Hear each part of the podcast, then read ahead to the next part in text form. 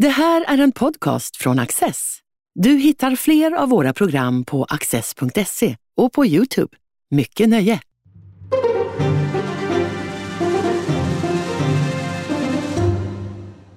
Varmt välkomna till Studio Access och särskilt varmt välkommen Per Brinkemo.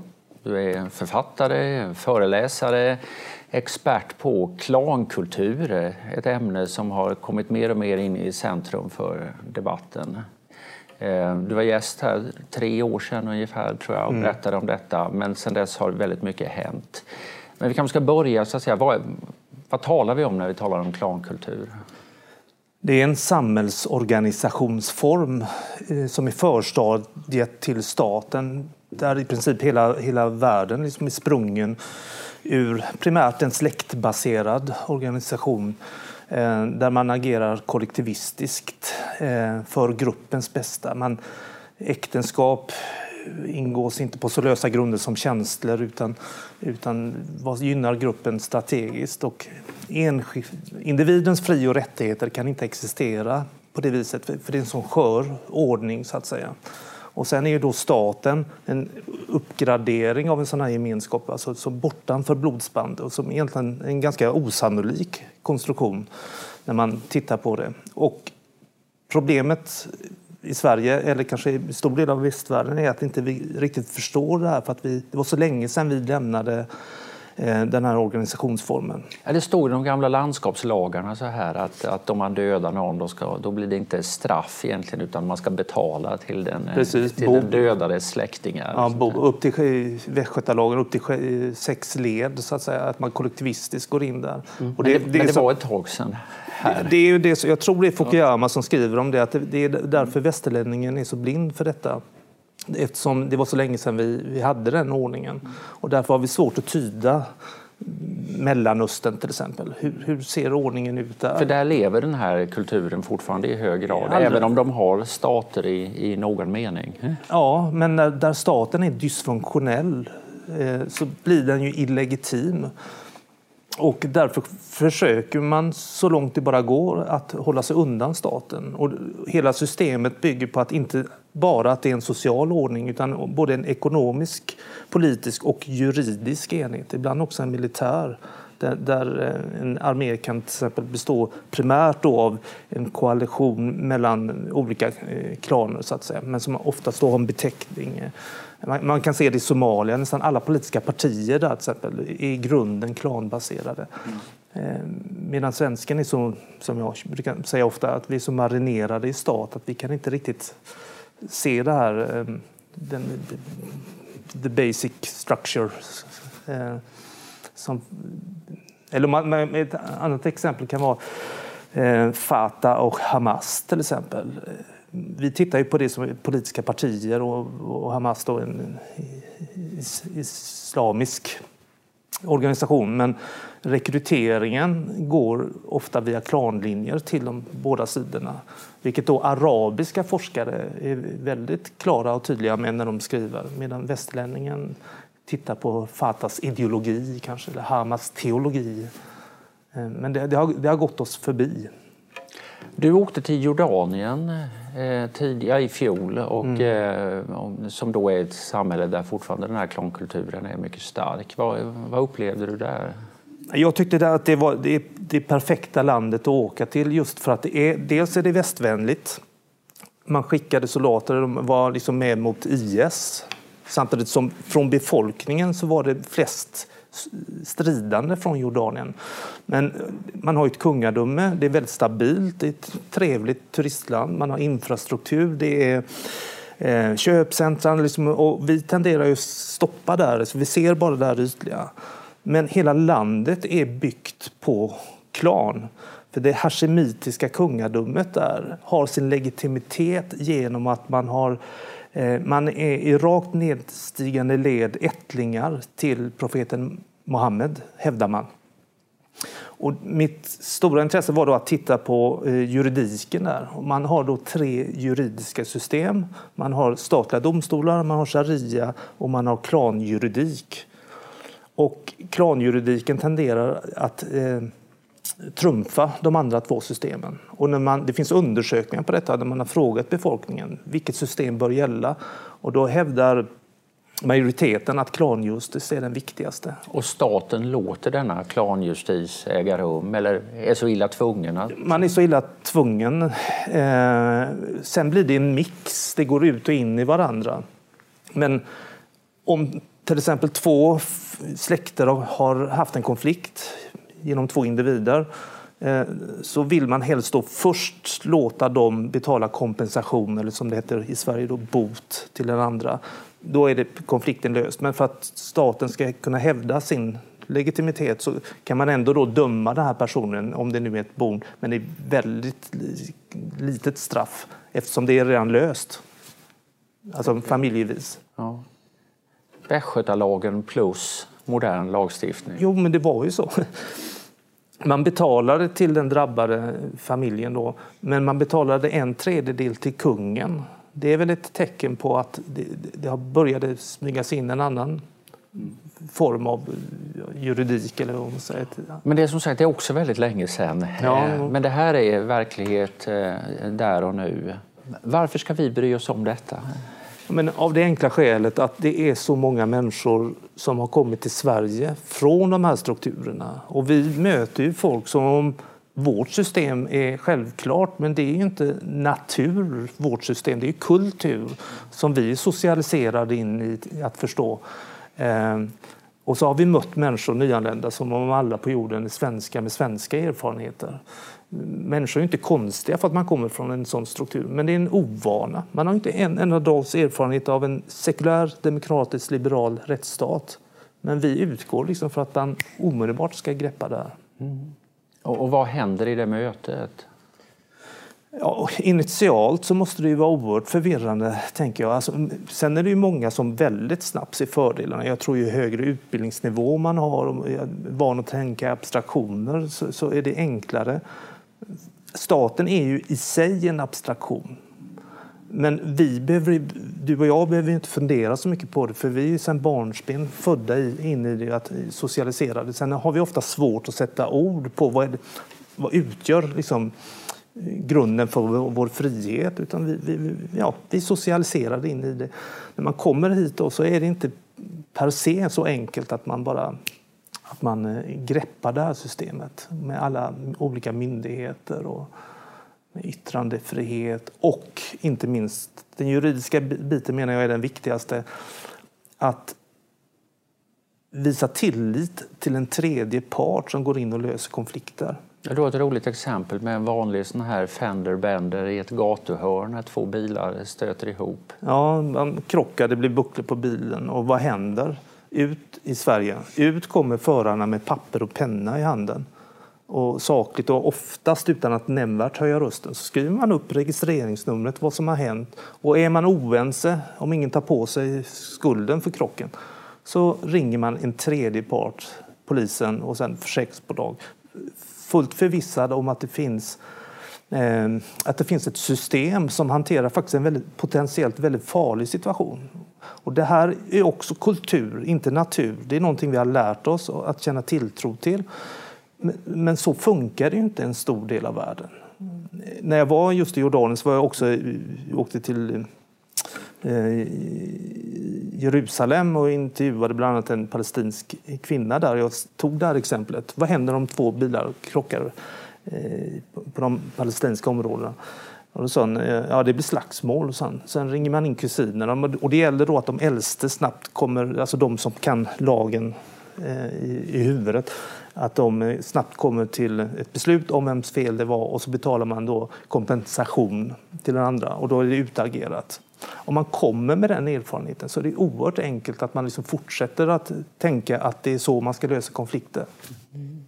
Och en del av det, för det är klart att klanen i sig kan man då säga är varken ja, ond eller god utan det är liksom en metod för att hantera en situation där det saknas en statsmakt ja. ursprungligen.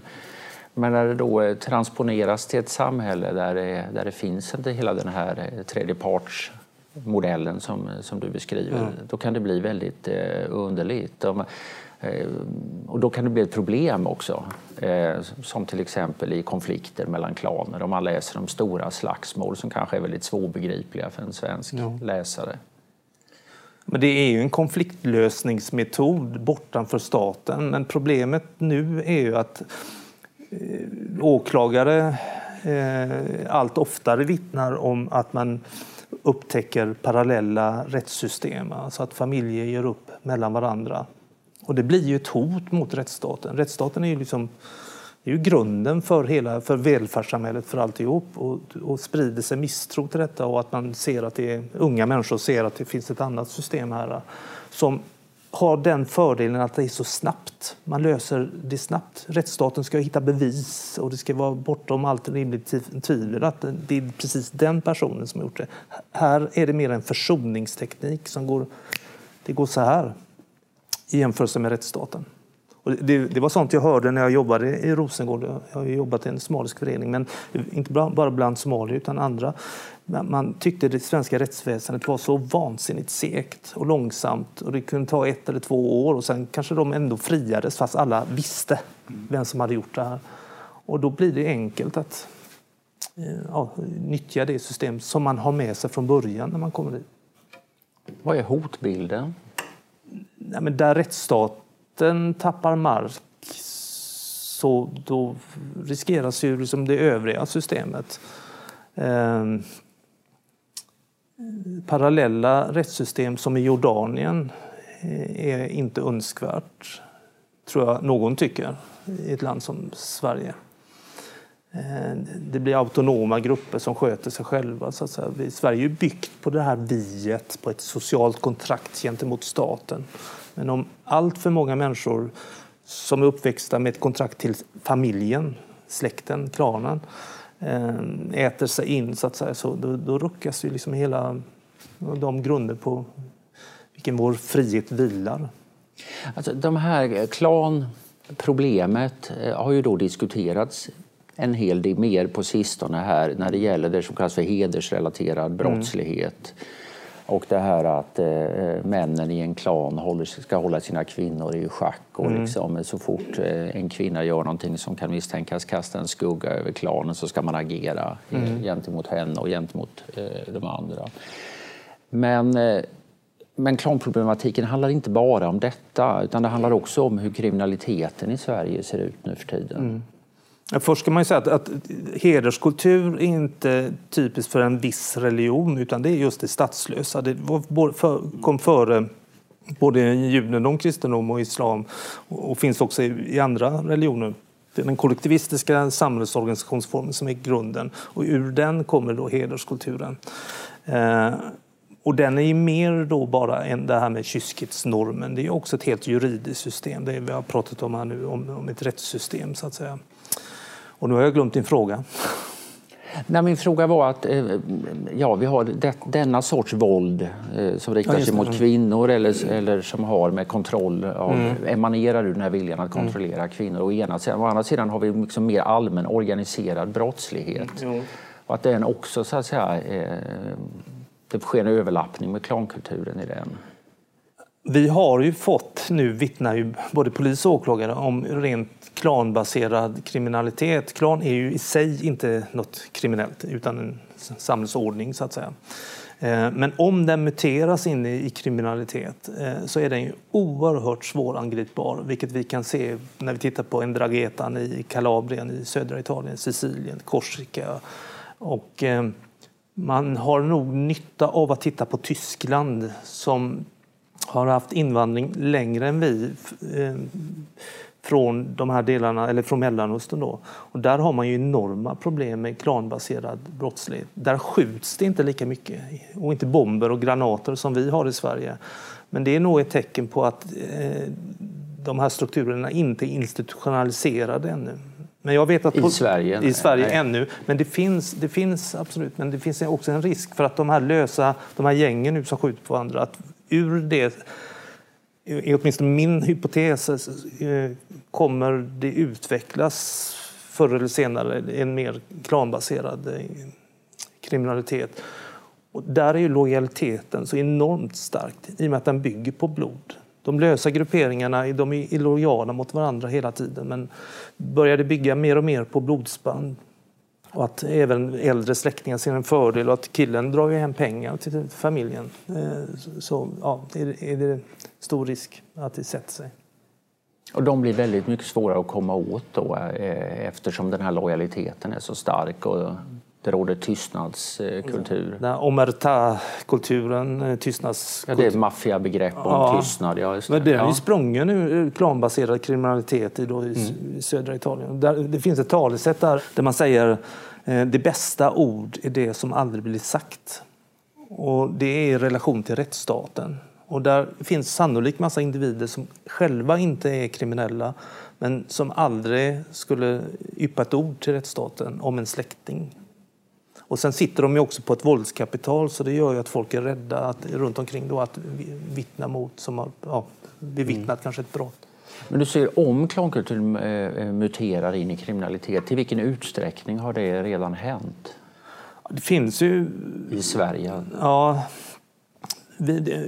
omskriven har ju den här Ali Khan-klanen varit som Aftonbladet Johanna Lerneby gjorde ett fantastiskt reportage för två år sedan om, om det. Och, det är Göteborg? Ja, nordöstra Göteborg. Och där, jag har ju kontakt med polisen där. Och, och det är många andra grupperingar som finns där och man samarbetar och man gifter in sina ungdomar med varandra så att säga, och skapar allianser.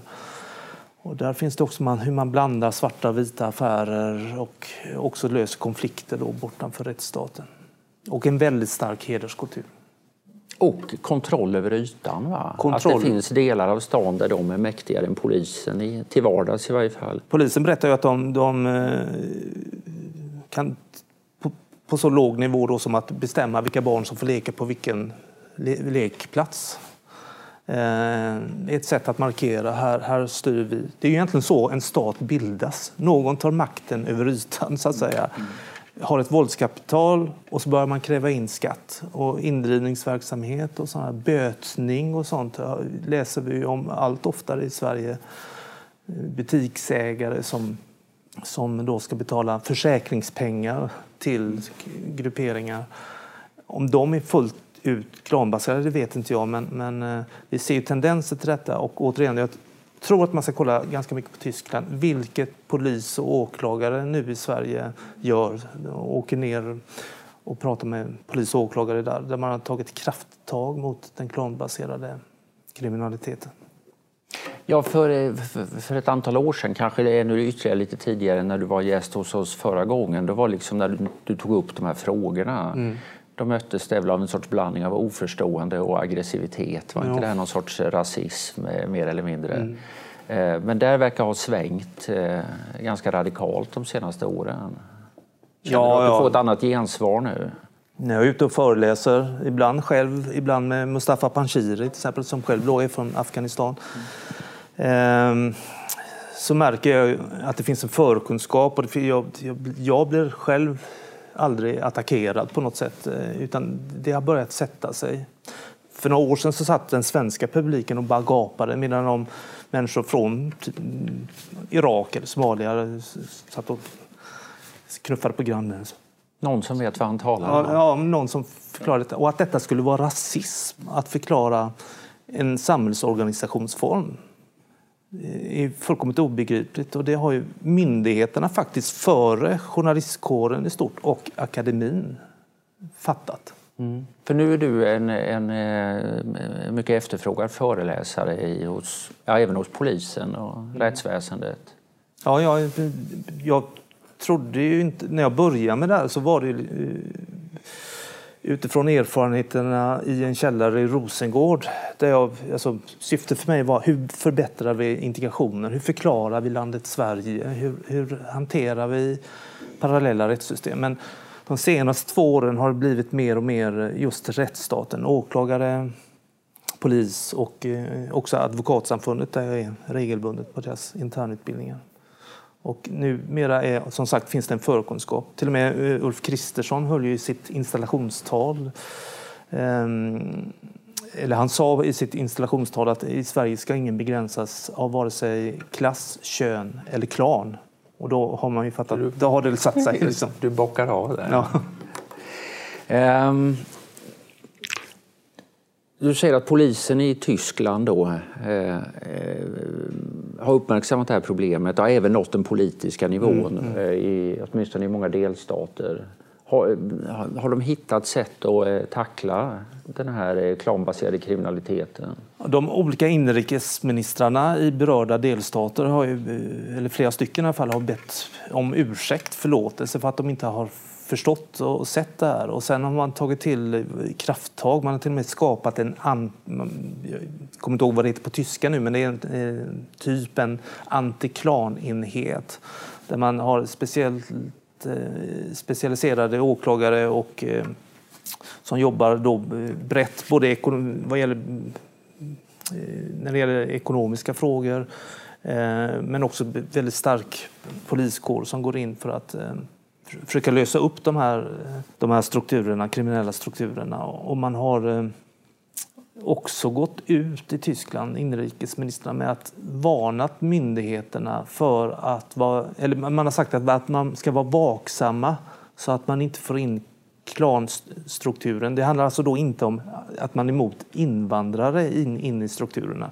men att man inte får in klanstrukturen där man är mer lojal med La Familia än med staten.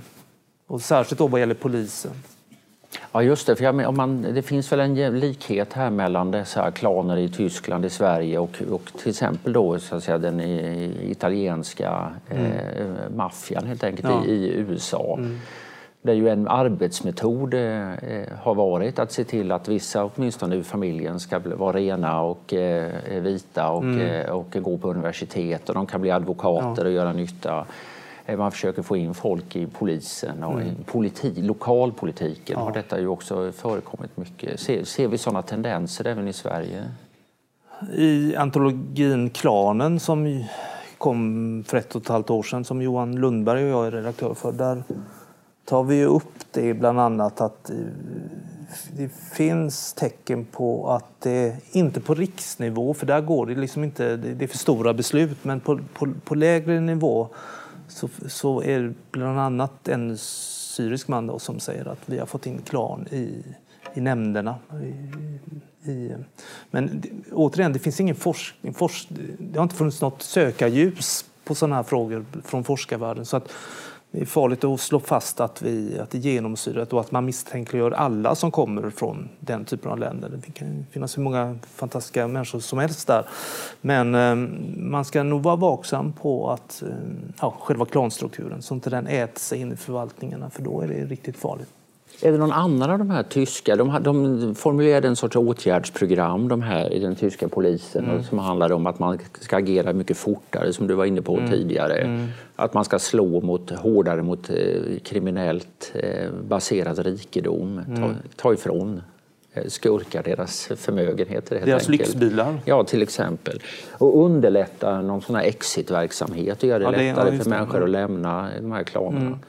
Är det något utav det där? Har det hunnit träda i kraft? Det Nej, arbetet? det är ganska nytt det här. Ja. Eh, så att det vet man inte. Och framförallt eller hur det kommer gå. Och sen exitverksamheten. Eh, det kommer ju ta lång tid innan man ser eh, något resultat eller kan göra någon utvärdering på hur framgångsrikt det är. Mm. Har du någon känsla själv för vad som skulle kunna vara framkomliga vägar? Om polisen frågar dig om rekommendationer, ger du dem några då? Eller? säger att jag bara berättar hur läget, hur landet ligger. Ja, men det, är, det är väldigt svårt att komma med eftersom det finns inga historiska exempel. Alltså migration har ju alltid skett. Mm. Men vi, vi har ingen historia av migration från den typen av strukturer till en välfärdsstat. Alltså det är en så pass definierad stat med ja, starka socialförsäkringssystem och allt det där. Eh, så det blir väl trial and error. Eh, man får söka sig fram hur man ska göra. Så det är svårt att ge råd. Det är en speciell situation för Sverige. Det finns ju den här World Value Survey där mm. man liksom eh, modernast och progressivast och gud vet allt, Sverige högst upp i ena hörnet. Och sen flera av de länder som nu står för en mycket stor del av invandringen till Sverige ligger ju precis diametralt emot. Som Jordanien till exempel. Ja, precis. Så vi, vi, har ett experiment som pågår här. Konstigt. En, en, en, en möjlig åtgärd eh, skulle ju möjligen kunna vara att även om man inte vet vad man ska göra med det befintliga mm. läget så kanske man skulle eh, tajta till tillförseln. Detta kan ju vara ett argument för att man ska driva en stram invandringspolitik ett tag. Ja, jag, jag brukar ta det exemplet att om en, låt oss säga irakisk familj flyttar till Örkelljunga så kommer ju de förr eller senare uppslukas av lokalsamhället och lära sig språket, få jobb och liksom, ja, påverkas starkt. De blir integrerade. De blir integrerade eller assimilerade eller ja. vilket ord man nu väljer. Men om, om 200 irakiska familjer hamnar i Örkelljunga det säger ju sig självt att det kan bli väldigt mycket krångligare då därför att då har man har man möjlighet att upprätthålla traditionella värderingar och, och kanske till och med traditionella eh, roller av att till exempel lösa konflikter mm. mellan varandra. Eh, det måste inte bli så, men det är klart att risken blir långt mycket större. En annan skillnad eh, idag jämfört med några decennier sedan det är ju liksom de nya kommunikationsmöjligheterna mm. med mobiltelefon och internet och allting. Mm. Och möjligheten att stå i förbindelse med hemlandet eh, på helt regelbunden, alltså ursprungslandet, ja. på, på, på regelbunden basis. Spelar det någon roll i detta? Ja, men det tror jag. När, när man jämför, ofta jämför man ju den svenska utvandringen till USA. Men de klippte ju banden med hemlandet. Ett och annat brev med lång fördröjning, en, en och annan astrakankärna kunde nå fram. Eh, men man kunde på ett annat sätt börja om där, åtminstone på 1800-talet. Men här kan, eh, det är en paradox att modern teknik tenderar, eller riskerar åtminstone, att upprätthålla traditionella strukturer just genom att genom Skype, internet, sms, billiga telefonsamtal och även flygresor. Mm. Så att det kan ju finnas människor som absolut vill ge sina barn friheten att gifta sig på så lösa grunder som känslor. Eh, eh, men som känner ett väldigt tryck från familjen i hemlandet eftersom man står i så mycket kontakt. Men det kan ju också bli tvärtom. Det vet man väl inte riktigt. Att, att eh, just, man, man, får ju massa information om vårt samhälle via internet och så, så att det kan bli en väg också ut ur de strukturerna. Sen är ju inte allt kast eller dåligt med klan. Det, finns ju något, det hade inte överlevt om det inte fanns en attraktionskraft i de strukturerna. Om en varm gemenskap, man, man bryr sig om varandra, man är aldrig ensam, det är meningsskapande. Och, och om man då ställer den svenska individualismen mot detta som vi har lärt eller socialiserats in i och betraktas som attraktiv och som ett ideal. Det behöver inte heller vara så jätteattraktivt för den som, även den som är då utsatt för hedersrelaterat våld. Det är svårt att bryta. Mm. Det går men, och det händer. Men det... Ja, men det är som alltid med att det blir mer fokus på det som är problematiskt än det som, ja, ja. Än det som fungerar. Mm. Avslutningsvis, här, tiden har runnit ifrån oss. Eh, eh, du säger att liksom nu, ja, myndigheterna har vaknat och du talar för eh, rättsväsendet, du talar hos Försäkringskassan. Ehm, men på, i akademin har man inte riktigt fått upp ögonen för detta. Har, har det ändrats eller är det fortfarande så? Ja, det är på väg att ändras nu. Försvarshögskolan, jag var själv med i en rapport här nu i höstas om antagonistiska hot. Alltså allt från terrorism, kriminalitet och jag skrev om klan och sådär. Eh, och enskilda akademiker har mer och mer börjat titta på det. Han Holgersson vet jag håller, håller på med ett projekt nu, polisforskaren. I Linköping? I Linköping, ja eller Norge eller var han finns. Ja, kanske i. Ja.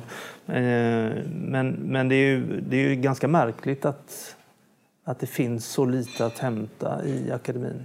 Eh, antropolog, äh, inte, jo, antropologer sitter ju de, de pratar om stamsamhälle och klansamhälle men oftast då någon undersökning långt bort i stan, någon mm, obskyr mm. stam och sådär. Men, men det är ju strukturer som varit oerhört livskraftiga och som lever kvar i stora delar. Och nu har vi det i Sverige också.